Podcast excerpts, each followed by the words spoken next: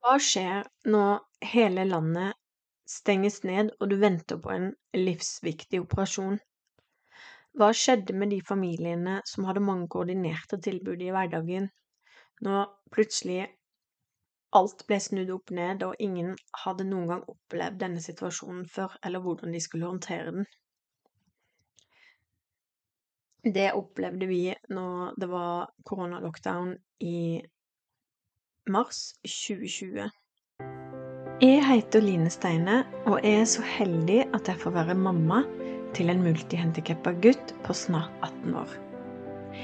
Hvis du har lyst til å høre hvordan dette har berikt mitt liv, og hvordan det har fått meg til å vokse som menneske og sjel, så burde du høre på denne podkasten her. Vi har da tre barn hjemme. Et barnehagebarn, eh, et skolebarn på ti år som trenger Ti år, han ikke ti engang, han var ni. Som trenger viktig oppfølging. Um, og veldig tilstedeværelse når han skal jobbe med skole, skolefaglige ting. Vi hadde da en liten en som gikk i barnehagen, og som trengte underholdning på sitt nivå. Og vi hadde da en 14-åring som trengte Som mista hjemmesykepleien sin. Eh, avlastning forsvant. Fysjoen var ute av bildet. Ting som gjorde at hverdagen fungerte på, på vår gutt, da, det måtte jeg og min mann, vi måtte være alle de fagpersonene. Eh, heldigvis så var vi hjemme begge to. Han jobba på YX, bensinstasjonen på Hovden, og den ble òg stengt. Og det vi da ser, er at vi går inn i en fantastisk nydelig tid. Vi hadde det rett og slett bare mest fint. Vi fikk tid sammen, vi koste oss, vi følte vi var på en lang hyttetur, ferie.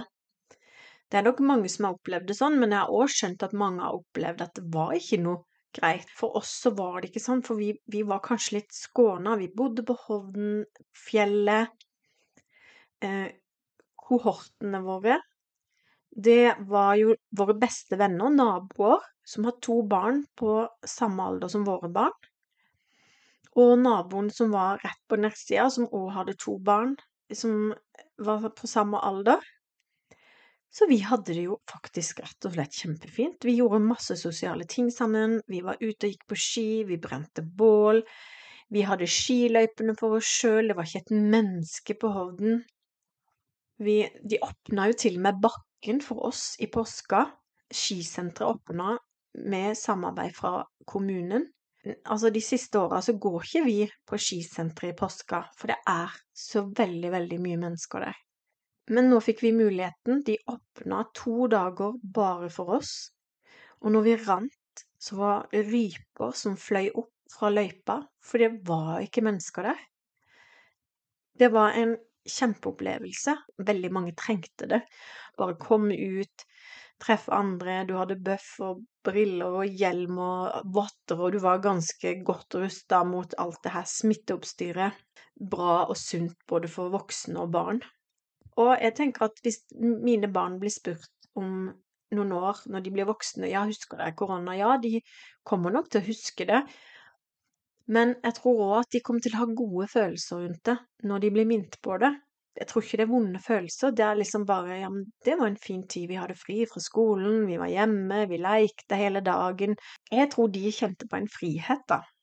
Vi hadde jo masse overskudd da i starten, men etter hvert så kjente vi at vi blei jo litt slitne som familie òg, fordi at altså, vi var jo våkne om natta. Vi var jo nattevakter til vår sønn, eh, og vi var hjemmesykepleiere på dagen, og vi var sykepleiere. Vi tok på oss alle de hattene. Jeg husker da når vi kom til 15. mai, da blei vi Da var vi slitne. Da hadde vi ikke hatt noe avlastning på mange, mange uker. Ehm, det var òg lite skoletilbud. Vi fikk etter hvert litt skoletilbud til eh, gutten vår, fordi at de gikk ut og sa, regjeringa gikk ut og sa at barn med spesielle behov skulle få gå på skolen. Og det var egentlig litt godt, for da var det noen retningslinjer man kunne holde seg etter. Så det jeg gjorde da, i frustrasjon, jeg sendte da en mail til en del i kommunen mail, og satte det på maillista og sendte da en mail, og mailen, overskriften het 'Bygda som glemte den ene familien'. Og de glemte oss nok ikke egentlig, jo, kanskje de glemte oss òg, for det var jo sinnssykt mye nytt, og politikerne gjorde en kjempejobb. De måtte jo kaste seg rundt, de måtte jo lage all verdens lister og prosedyrer, og de måtte forholde seg til noe helt nytt, de også. Så jeg skjønner jo at ting gikk litt over stokk og stein, og at selvfølgelig Ja, vi blei kanskje glemt, og det er faktisk helt forståelig. Men etter jeg skrev den mailen, så skjedde det i hvert fall ting. Vi fikk hjelp. For det, det som var mitt største frustrasjon da, det var at jeg husker at vi fikk da tilbud Jeg husker jeg leverte den på skolen, og så spurte jeg, for vi hadde jo avlastning da um, tredje var helg. Og da spurte jeg blir det avlastning til helga? Og da kikka de på meg og sa nei, det blir nok ikke det, dere må velge.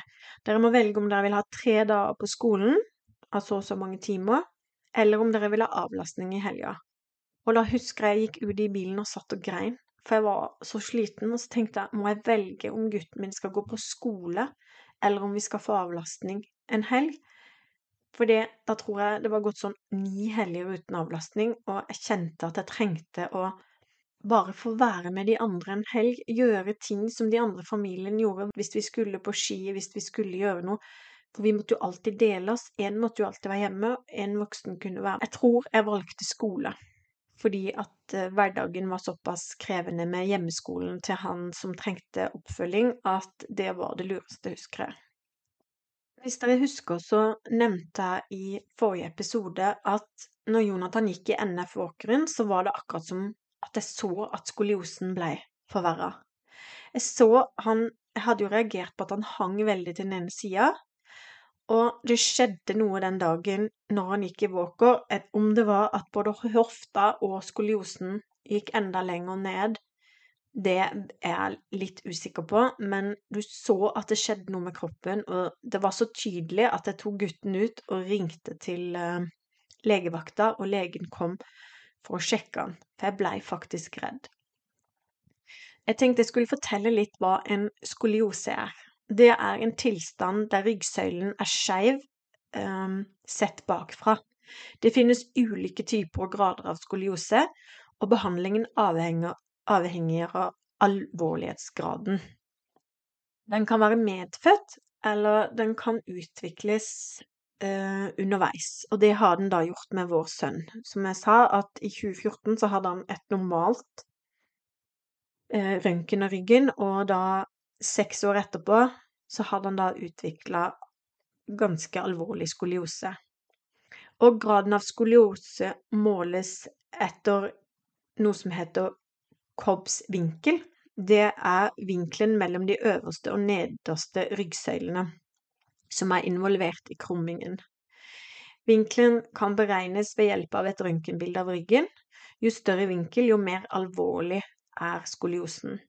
En normal ryggsøyle har en kobbsvinkel på mindre enn 10 grader. En mild skoliose har en vinkel på mellom 10 og 24 grader. Dersom man har en vinkel på 20 grader, så kan det kalles for en moderat skoliose, og da anbefales det ofte korsett og sånne ting. Men har du en vinkel som er over 50 grader, så går det under betegnelsen stor skoliose, og det kan være aktuelt med operasjon. Det som skjedde med vår gutt da, det var at han utvikla det mer og mer. Og det siste røntgenet jeg så på før han opererte, da hadde han 76,5 grader vinkel. Og det vil jeg si er en kraftig skoliose, altså nesten 80 grader. Han hadde da fått time til å operere på Rikshospitalet 15. desember.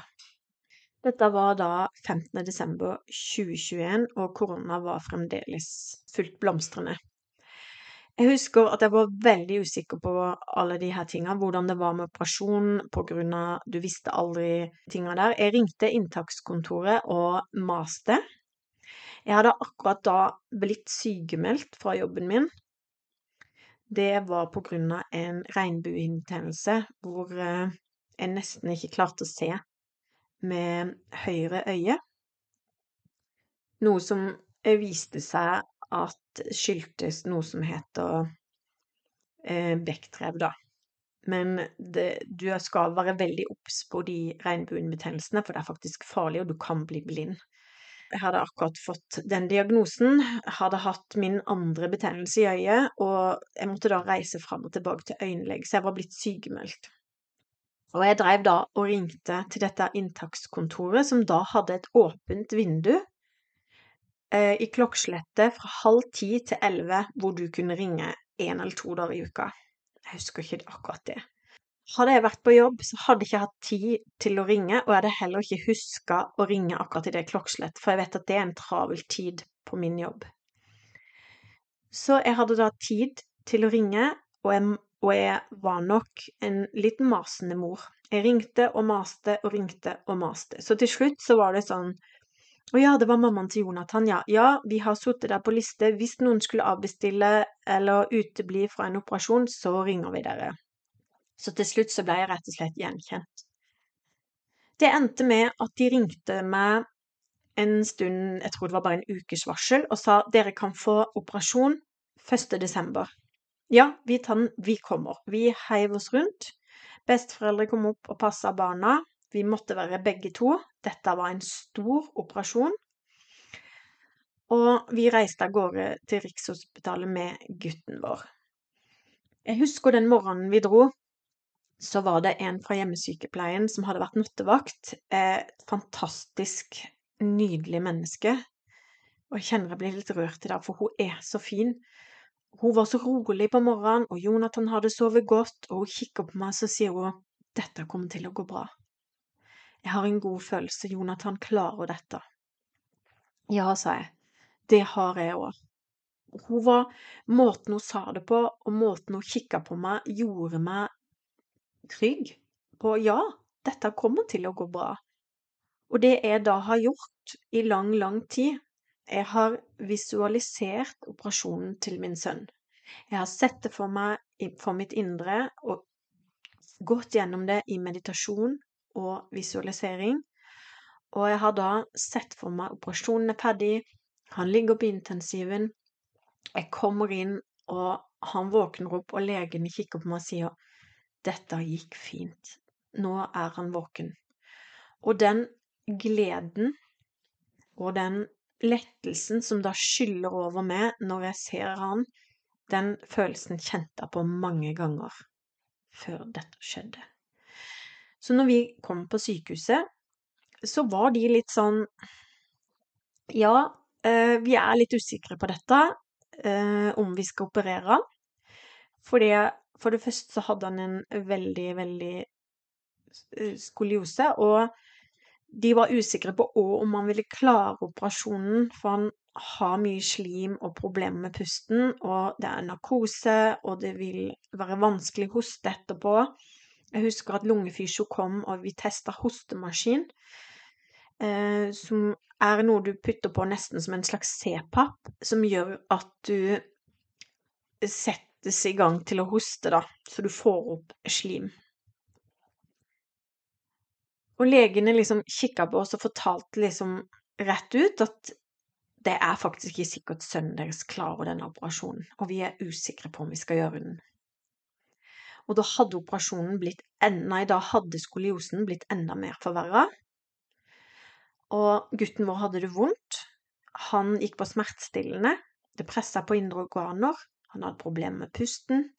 Han hadde, han hadde det vondt. Og jeg var sikker på dette klarer han. Han er sterk. Så sa jeg, vet dere hva, det her går fint. Han klarer det. Og da var de liksom OK, da mener dere dere går med på dette, da gjør vi det. Og jeg var selvfølgelig redd. Selvfølgelig var jeg det. Men jeg var òg i underbevisstheten sikker på at dette kom til å gå bra. Han har vært en fighter fra da inn. Dette kommer til å gå bra. Jeg kikka på Jonathan, kikka han i øynene, holdt han i handa, så sier Jonathan nå må du bare vise hvor sterk du er. Nå må du bare vise alle de legene, sykepleierne, at du er råtøff, for det er det du er. Dette klarer du, dette går kjempefint, Jonathan. Og jeg husker når vi Det tok jo mange timer, jeg husker ikke hvor mange timer det tok, det tok en halv dag eller noe sånt, og jeg husker når vi kom inn, og han la deg på intensiven, og de fortalte at det var vellykka. Vi venta på at han skulle våkne opp. Og for en følelse når gutten slår opp øynene. For en følelse. Og de sjekker pust. Det var wow. Og jeg bare visste det. Og da var det en som heter Jon Dahl, som opererte. Og når jeg nå tenker på dette, så tenker jeg at gutten vår fikk liv i gave den dagen. På alle måter. Dagen etter så stoppa de alle operasjoner eh, på den avdelingen som var sånne skolioseoperasjoner. Alt ble stoppa. Og det vinduet Jonathan hadde for å operere, for det har noe med, med bøyeligheten av ryggraden å gjøre før du kommer i en viss alder, så stivner den. Så du må gjøre det innen en viss tid. Og han var akkurat innafor. Hadde han ikke operert Hadde vi fått 15. desember, så hadde det kanskje vært for seint. Og det hadde kanskje vært stengt. Jeg er litt usikker på hvor lenge de stengte ned. Men dette var 1. desember. Takket være at jeg var sykemeldt akkurat i den tida og kunne ringe og mase. Takket være at vi kom inn og jeg bare visste at det kom til å gå bra, og jeg bare sa nei, det går fint.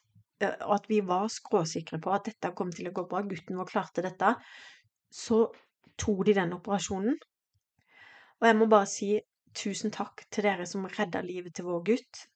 Vi fikk med oss en gutt hjem med et sår fra toppen av nakken, eller bunnen av nakken, liksom rett ved der ryggraden begynner, fra nakken, og helt ned til halebeinet. Det er helt vilt. Det var så mange skruer i det røntgenet vi fikk se, at jeg har ikke telt dem engang. Ja, eh, uendelig mange skruer. Og stenger. Og gutten vår klarte det, og vi var på posten og de var kjempeimponert. De, ingen der hadde egentlig trodd at han hadde klart det på den måten han gjorde. Og vi gikk faktisk ut fra det sykehuset før tida. Og jeg er sikker på det ble gjeter om Det ble snakka om vår gutt fordi han var så sterk og gikk mot alle odds.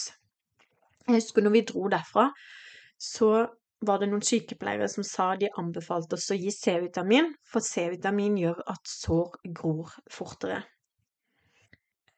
før vi dro, da, så hadde vi hadde jo fysioterapi og lungefysio og sånne ting um, der inne før vi dro. Og jeg husker jeg satt og prata med fysioterapeuten, for vi hadde Jonathan oppe på sengekanten. Det var jo første gang han kunne sitte med rett rygg, fordi at nå var ryggen stiv. Han klarte å sitte, det her, og det var så skummelt. Det var akkurat som en skjør porselenfigur, du var redd den skulle knuse hvert sekund. Men han satt som en påle. Og da spør jeg hva skjer med de barna hvor det blir for seint å operere, eller operasjonene blir nå utsatt for det blir stengt? Og da kikker hun på meg med tårer i øynene, så sier hun det er nok noen barn som må leve på morfin resten av livet. Og da skjønte jeg enda mer at Jonathan hadde fått livets gave. Og da kjente jeg òg på Tenk hvis vi tok noen sin plass? Men så har jeg tenkt på etterpå prøver å trøste meg sjøl at det kan jo være noen som sto på operasjon og hadde venta for lenge, og kanskje det var for seint. Kanskje de allerede var reist. Kanskje de allerede ikke klarte det, for vi venta nesten et år. Så det kan jo hende, og jeg håper at vi ikke tok noen sin plass. Men jeg er så takknemlig for at vi fikk den muligheten. Vi kom hjem, det var korona, det var stengt ned, vi hadde ikke hjemmesykepleie. Og jeg husker den følelsen når vi skulle skifte bandasjen på dette såret for første gang. De sier til oss på sykehuset hvis noe skal skje med operasjonssåret, så må dere for all del ikke gå på noen lokale sykehus. Dere må ringe oss, dere må komme til oss. Vi fikk e-mailadressen til han Jon Dahl. Vi fikk òg direkte telefonnummer. Han skulle ingen andre skulle behandle det såret hvis det kom en infeksjon. Og da skjønte jeg jo at egentlig så er det en like stor risiko nå. Den oppgaven vi nå hadde foran oss, var nesten like stor risiko som operasjonen. For nå var det viktig at det såret grodde og blei bra. Og vi kom hjem, og søstera mi som er sykepleier, hun sa til meg når vi snakka om dette for en stund siden, så sier hun men Line, kanskje det var en mening med at dere var aleine da? Fordi vi, når vi da vi fikk med oss to skift bandasjer, og det var bandasjer som var lange, og som måtte deles opp i to når vi skulle feste de på. Og det var sånne Det var sånn luft imellom. Det var egentlig veldig sånn spesielle bandasjer, sånn at såret fikk luft samtidig som det var tett. Og vi hadde da dusja gutten vår. Vi var begge to. Vi var konsentrert, vi var reine, det var reine håndklær. Alt var eh, sterilt. Vi hadde da steril saks som vi hadde, som var inni en sånn vakuumpakka plastikk, som vi visste var rein.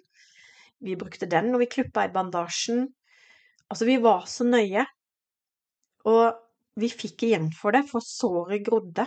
Og det grodde faktisk ganske fint og kjapt.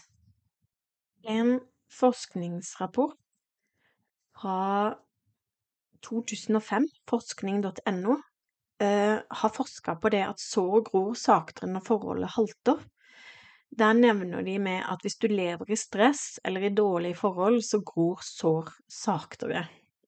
En studie viser òg at noen studenter som skulle ta eksamen, og at såra grodde saktere i eksamenstiden når de var stressa. Og det tror jeg, og mener, at vår sønn hadde nytte av at vi hadde det harmonisk i den tida, såret grodde, det var ikke stress for han, det var ikke stress for oss, det var kun oss han hadde å forholde seg til, vi hadde jo ingen til å hjelpe oss. Um, selv om den tida var òg uh, beinhard som alt annet, eller denne var ekstra hard da. Fordi at vi var redd for å ta igjen, vi var redd for å snu igjen, vi måtte våke over han på natta, vi måtte være veldig forsiktige. Eh, vi måtte huske å øve på lungefysio, vi måtte sette han opp. Vi, må, altså vi gjorde jo alt i vårt beste, pluss at vi var jo litt redde for det her såret. Ikke bare litt, det tok mye krefter og tid. Men jeg bare tenkte nei, det her kommer til å gå fint. Han får ikke infeksjon. Jeg bare sa det til meg sjøl om og om igjen. Det her går bra, det kommer til å gro fint. Og det grodde kjempefint, og det grodde fint og flott og fort, faktisk. Og C-vitamin var sikkert med å hjelpe. Alle forholdene var der. Og ja, da vil jeg si at vi var noen av de beste sykepleierne vi kunne vært. Det som jeg tenkte jeg skulle dele nå på slutten Jeg fortalte jo at den dagen vi skulle dra, så var det en Hun som var da nattevakt, hun var jo da så fin og trygg når hun sa til meg at det kommer til å gå bra. Og jeg er jo et menneske som tror at det finnes en del ting mellom himmel og jord som vi kanskje ikke veit. Jeg må bare nevne en ting, nå er det jo snart jul.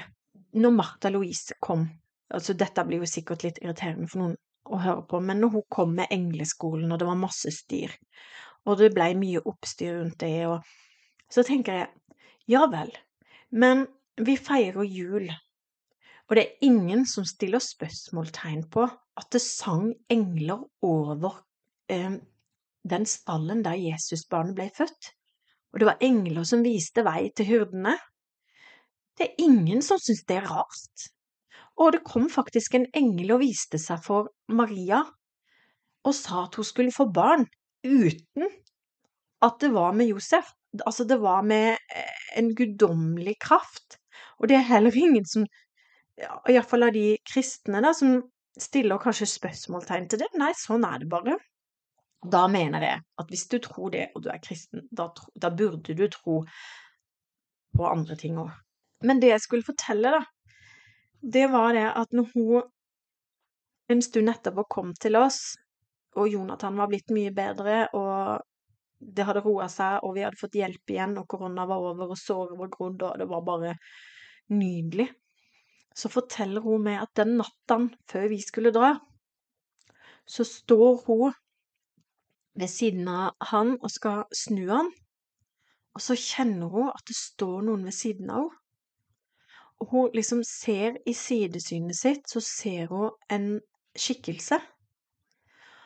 Og den er svær, den er høy, og hun hadde fått en god, en slags rolig følelse og ble fylt med en sånn trygghet.